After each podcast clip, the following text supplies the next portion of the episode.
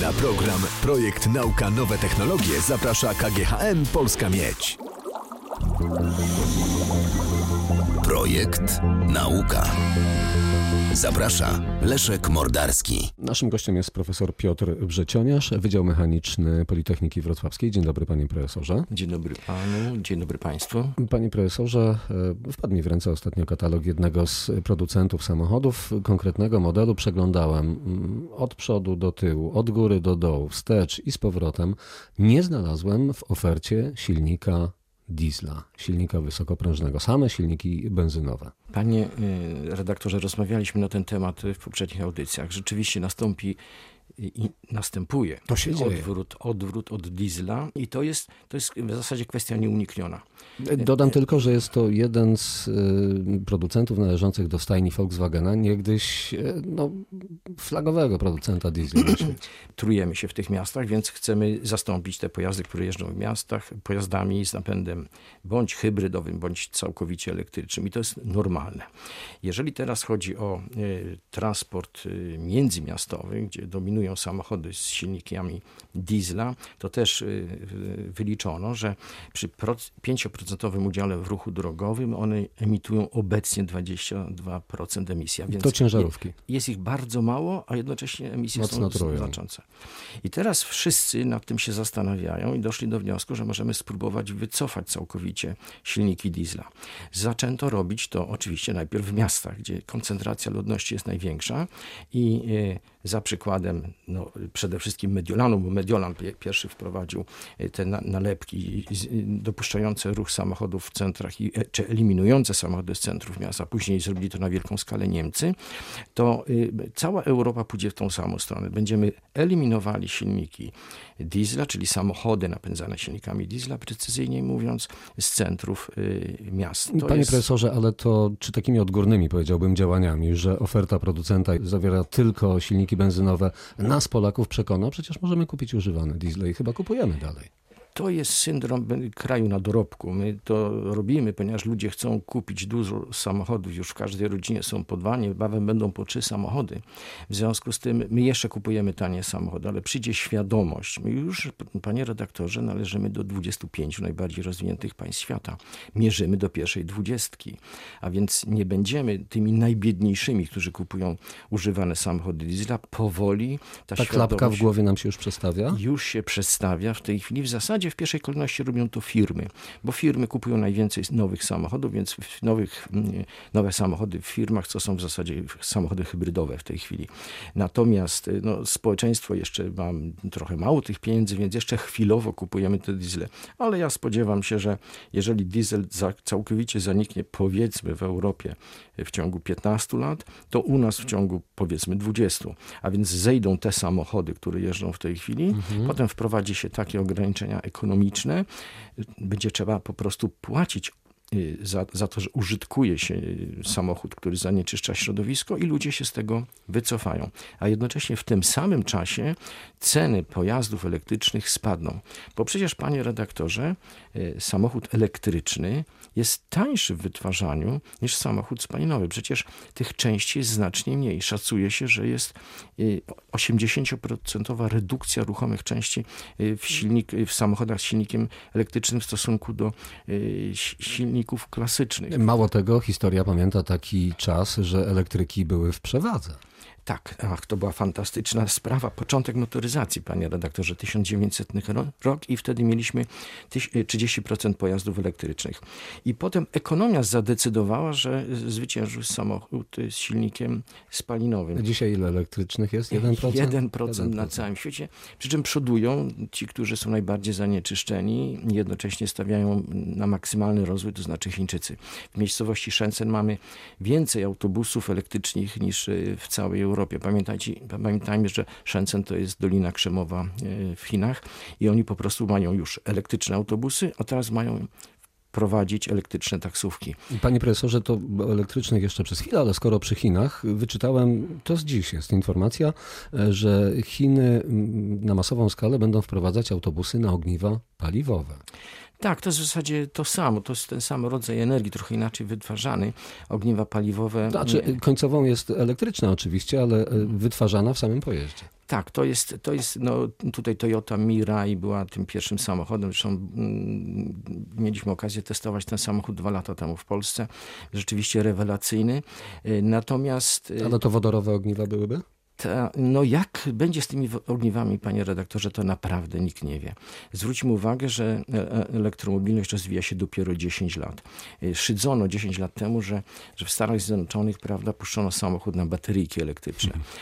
Tymczasem od tego czasu powstało mnóstwo rewelacyjnych rozwiązań i y, w zasadzie problem baterii został rozwiązany. Mało tego, są jeszcze y, baterie na przykład wodorowe, które stosowane są w statkach kosmicznych, które są nieprawdopodobne nieprawdopodobnie wydajne i, i tego typu Ale rozwiązania wciąż, są właśnie drogie. I teraz, jeżeli się weźmie za to masowy producent, czyli producent pojazdów, bądź firmy, które wytwarzają baterie, to obniżą ceny. Ja przypomnę historię katalizatorów. Panie redaktorze, pierwsze katalizatory kosztowały milion dolarów sztuka, ponieważ była tam platyna i tak dalej. Mówiono, że to jest nonsens, żeby katalizator za milion dolarów wkładać do samochodów. Kto zapłaci za no samochód i za tak katalizator? Tymczasem w tej chwili cena katalizatora jest w granicach 300 zł. To spowodowała masowa produkcja. To samo będzie z bateriami. A w jakiej perspektywie czasowej? Myśli pan? Panie redaktorze, to wszystko bardzo przyspiesza. Dawniej to wszystko trwało dziesięciolecia, teraz to trwa już tylko lata. Kiedyś samochód projektowało się 6 lat, teraz samochód projektuje się 3 lata. A więc y, tak samo i tutaj ta perspektywa będzie dosyć y, krótka. W obniżeniu Mówi kosztów się, pomoże też Wrocław i ta fabryka, która to tutaj powstaje? My jesteśmy, panie redaktorze, na fali tego, tego, tych wszystkich przemian, które się y, dzieją w Europie. Zauważyliśmy to na samym początku, 10 lat temu. Zaczęliśmy budować na Politechnice Wrocławskiej pojazdy elektryczne elektryczne. Wykształciliśmy mnóstwo młodych ludzi, którzy otarli się o autonomię ruchu, elektromobilność i ci ludzie przeszli do przemysłu. I teraz te koncerny z zewnątrz zobaczyły, że tutaj jest dużo wykształconych ludzi. Można w związku z tym stawiać tutaj fabryki, oni będą wiedzieli, co z tym wszystkim zrobić. Udało nam się. A więc, y, jakby nie patrzeć, Wrocław jest takim mini centrum elektromobilności i autonomii ruchu. Zresztą przy okazji, panie redaktorze, chciałbym zaprosić pana i wszystkich na y, konferencję Smart Auto The Future of Automobility, która odbędzie się 28 maja, a więc już niebawem w Za hotelu, tak, w hotelu Haston w Wrocławiu wstęp wolny.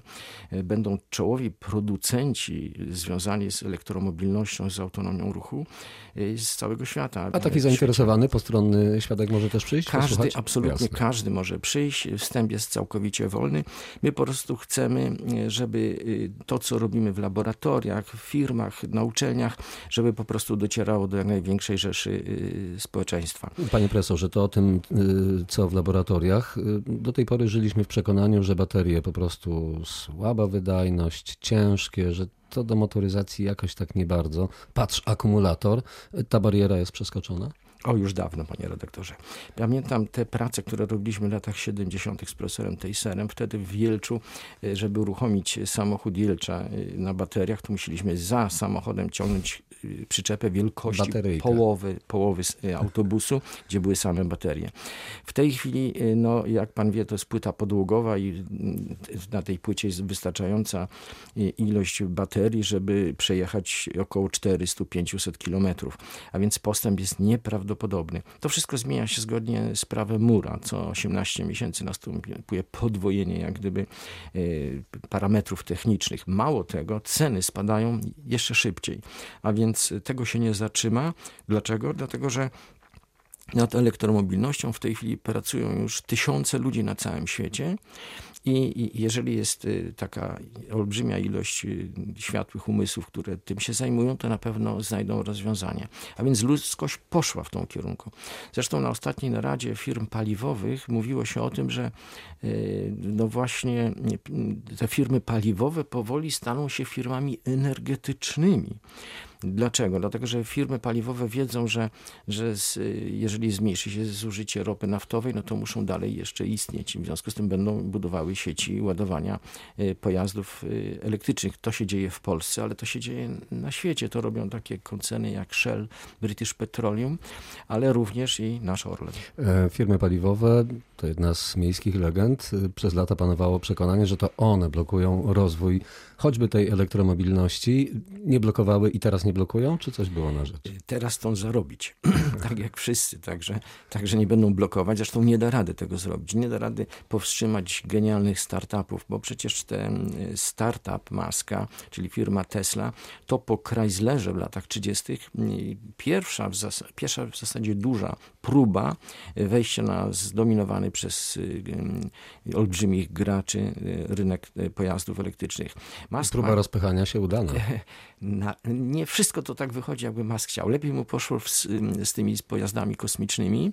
A tam wziął kolegów z, ze Stanfordu. Pamiętam Howarda Scotta, który brał udział w programie marsjańskim, a później przeszedł do Maska, więc potrafił stworzyć tanie, konkurencyjne rozwiązania w stosunku do wszystkich na świecie. No tak, ale ta elektromobilność w wydaniu amerykańskim jest przykładem, który warto naśladować. W wydaniu polskim tak sobie to idzie. To znaczy, no my nie gramy wśród pierwszych dziesięciu państw świata, więc e, trudno jest... Choć mieliśmy fabrykę autobusów, e, mieliśmy, mówię, po, Polska i została sprzedana fabryka elektrycznych autobusów. Polaris, tak, to znaczy, jeżeli chodzi o sferę to i, intelektualną, to nie jest źle. E, zresztą w Solarisie pracowali moi wychowankowie z Jelcza, którzy przeszli z, z Jelcza do Podpoznań. Do, do Podpoznań, tam stworzyli potęgę Solarisa. Natomiast y, oprócz Solarisa mamy we Wrocławiu Volvo, jedne z najlepszych też autobusów elektrycznych na świecie. Mamy Ursusa. Ursus no tam jak po grudzie troszkę. Tak, to jest jak, jak, dziwne zamieszanie wokół tej firmy w, cały czas, ale tam też powstały interesujące prototypy. I Fabryka również, kotłów też się przymierza do autobusu elektrycznego. Rafako, Rafako próbuje znaleźć w tej nowej rzeczywistości różne kierunki, ale Rafako nie ma doświadczenia produkcyjnego w zakresie samochodów, więc raczej zbudować prototyp to potrafić będzie, ale nie jestem pewien, czy będzie Wdrożyć go i... mogła uruchomić seryjną produkcję. Zresztą filozofia w ogóle projektowania pojazdów w tej chwili na świecie się zmieni. To w sposób radykalny. E, dlatego, że... Dojdzie e, autonomiczność. Tak? Dojdzie autonomiczność i tutaj firmy technologiczne, czyli z branży IT będą miały przewagę i finansową, i technologiczną nad pozostałymi. Już w tej chwili te firmy są więcej warte na giełdzie niż firmy motoryzacyjne. A więc być może będzie tak, że firmy z zakresu IT przejmą po prostu producentów, a z drugiej strony, jeżeli chodzi o budowę, no to w zasadzie robi się taka sytuacja, że mm, samochód to będzie platforma, z, z, systemem bateryjnym i z battery management systemem Natomiast zabudowę będzie mógł robić y, absolutnie każdy. I y, to będzie podobna sytuacja jak w szwajcarskich zegarkach. Tam też jest y, w zasadzie w tej chwili się mówi jedna fabryka, która buduje Werki. wnętrza tych zegarków. Natomiast te wszystkie fantastyczne, przepiękne szwajcarskie zegarki różnią się głównie designem i, i marką i za to płacimy. I być może, że coś podobnego na, nastąpi również w branży motoryzacyjnej bo przecież teraz firmy mówią, jedna platforma wystarczy, jedna platforma elektryczna, autonomiczna w zupełności wystarczy, żeby zabudować dowolny samochód. Panie profesorze, ludzie, którzy mieli już okazję przejechać autem elektrycznym, e, pokochają taki i pokochali taki rodzaj napędu, czy wracają do benzyny i ropy? Nie słyszałem o przypadku, żeby ktoś wrócił do, do benzyny. Dlaczego?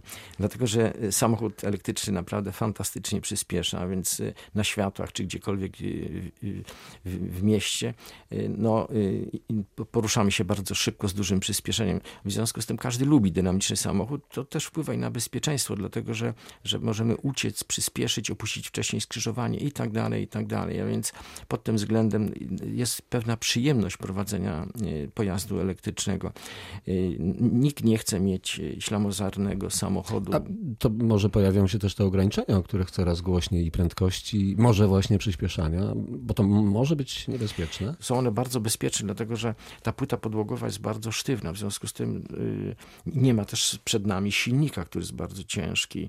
W związku z tym strefa zgniotu jest lepsza w, w NCP lata w badaniach, w badaniach NCAP no, okazało się, że, że samochody elektryczne są bardziej bezpieczne niż modele z klasycznym silnikiem tej, tej, tej samej firmy, a więc, a więc elektryki też się nie przewracają, ponieważ mają niski środek ciężkości. Więc były badania Tesli i okazało się, że, że trudno jest dachować w tym samochodzie. A więc y, pod względem bezpieczeństwa też elektryki górują nad tymi zwykłymi.